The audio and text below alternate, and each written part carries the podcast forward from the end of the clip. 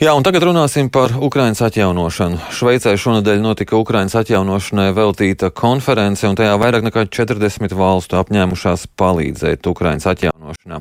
Kā tas notiks, par to izvaicāsim ārlietu ministrijas parlamentāro sekretāri Zandu Kalniņu Lukaševicu no jaunās vienotības. Labrīt!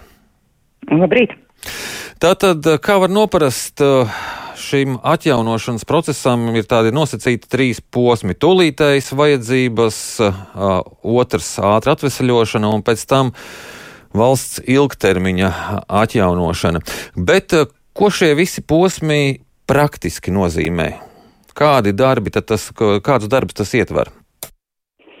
Tas, ko uzsver Ukraina par šobrīd, fokus ir uz tiešām tādiem ļoti neatliekamiem projektiem, kas ir jāizteno uzreiz, pat turpinoties kara darbībai, nu, kā piemēram ūdens piegāde dzīvojamām vietām, elektrības piegāde, pamat, teiksim, tiltu atjaunošana tur, kur savādāk apdzīvotās vietas ir nošķirtas no pārējās Ukrainas. Tad otra lieta, kas ir jādara arī uzreiz nekavējoties šoruden, tas ir skolu atjaunošana un pagaidu mājokļu izveide jeb atjaunošana. Mums jāsaprot, ka ļoti bieži arī rietumu Ukrainā skolās šobrīd ir izveidoti bēgļu centri, savukārt, lai rudenī skolas varētu atsākt strādāt, tad cilvēkiem ir jāizveido pagaidu mājokļi. Citu vietu savukārt skolās ir, nu, vismaz logi un durvis jāieliek atpakaļ, kur ir cietuši no kara darbības.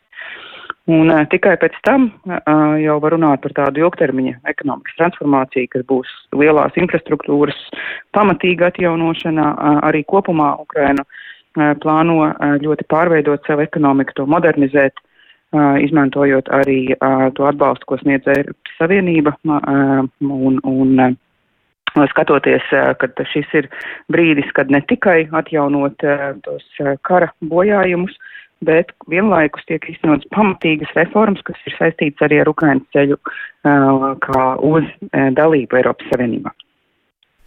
Jā, visi šie uzskaitītie nepieciešamie darbi atjaunošanai, bet kā valstis konkrēti palīdzēs šajā lietā? Kāda būs šī palīdzība? Pirmais no principiem, par ko arī vienojās Lugānā, ir tas, ka pati Ukraina vada šo darbu. Līdz ar to arī Ukraina šobrīd ir sagatavojusi jau ekonomikas atjaunošanas plāna projektu, kas, protams, tiek ļoti intensīvi turpināts veidot.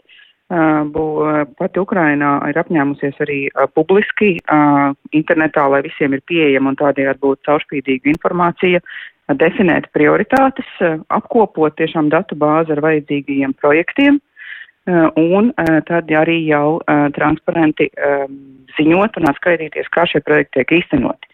Bet kamēr Ukraina no savas puses tātad gatavo šo projektu datu bāzi un arī veido prioritātes, vienlaikus ļoti svarīgi ir, ka starptautiskā sabiedrībai tad ir jāmobilizē resursi, lai būtu finansējums, par ko gan šo neatliekamo infrastruktūru, gan pēc tam jau uh, lielākas investīcijas uh, veikt, jo finanses ir vajadzīgs ļoti liels, uh, neatliekamajiem darbiem tiek lēsts, ka ir vajadzīgi aptuveni 65 miljārdi uh, eiro, savukārt ekonomikas pilnīgai atjaunošanai Ukrainai sastādīs plānu, ka desmit gados būs vajadzīgi pat 750 miljārdi eiro.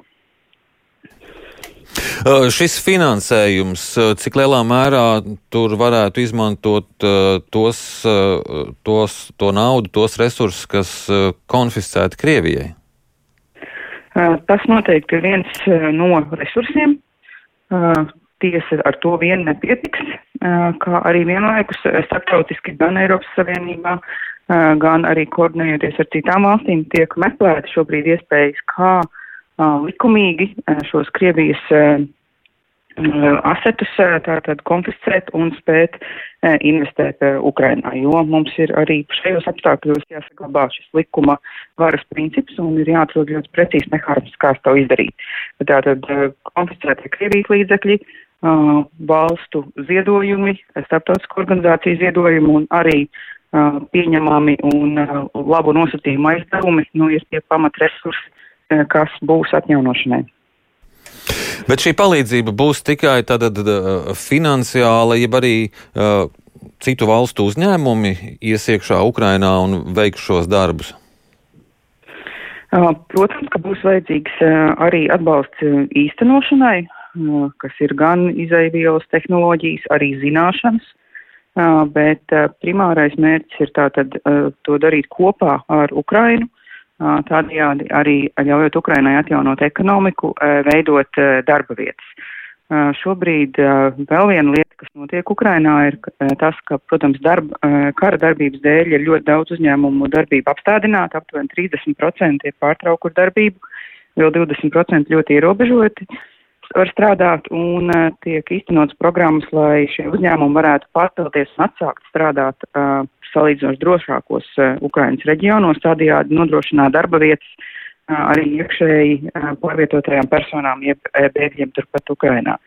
Un caur to tiek īstenots arī tiešām tādas plašas reformas, um, par ko uh, starptautiski arī tiek ļoti uzteikta Ukraina, ka kara darbības laikā vienlaikus tiek būtisks reformas īstenotas uh, gan nodokļu administrācijā, gan uzņēmē darbības reģistrācijas jomā, tādējādi veidojot labvēlīgāku uh, vidi. Bet tātad arī citu valstu uzņēmēji varēs gan iesaistīties šais uh, projektos, uh, tātad primāri kopā ar Ukrainu, gan arī, protams, būs vajadzīgs tehnoloģijas izēvielas uh, un, un arī zināšanas uh, moderna ekonomikas modernizācijai. Kā šie uzņēmumi varēs iesaistīties? Būs kaut kādi konkursi, ko rīkos Ukraina vai Eiropas Savienība?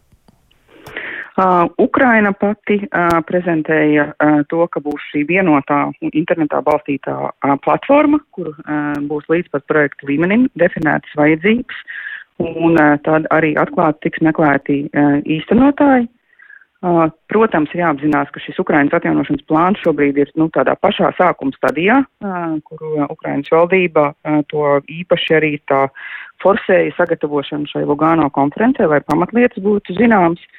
Tas, kas arī tiek ļoti meklēts un mudināts, ir starptautiskos uzņēmumus investēt Ukrainā. Ne, ne tā tad un tādējādi arī gan pašiem pelnīt, gan ļaut atjaunoties Ukrainas ekonomikai.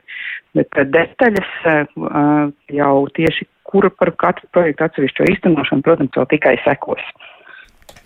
Es teikšu jums paldies par šo sarunu. Atgādinu, ka mēs sazinājāmies ar ārlietu ministrijas parlamentāro sekretāri Zandu Kalniņu Lukaševicu no jaunās vienotības un runājām par Ukrainas atjaunošanu.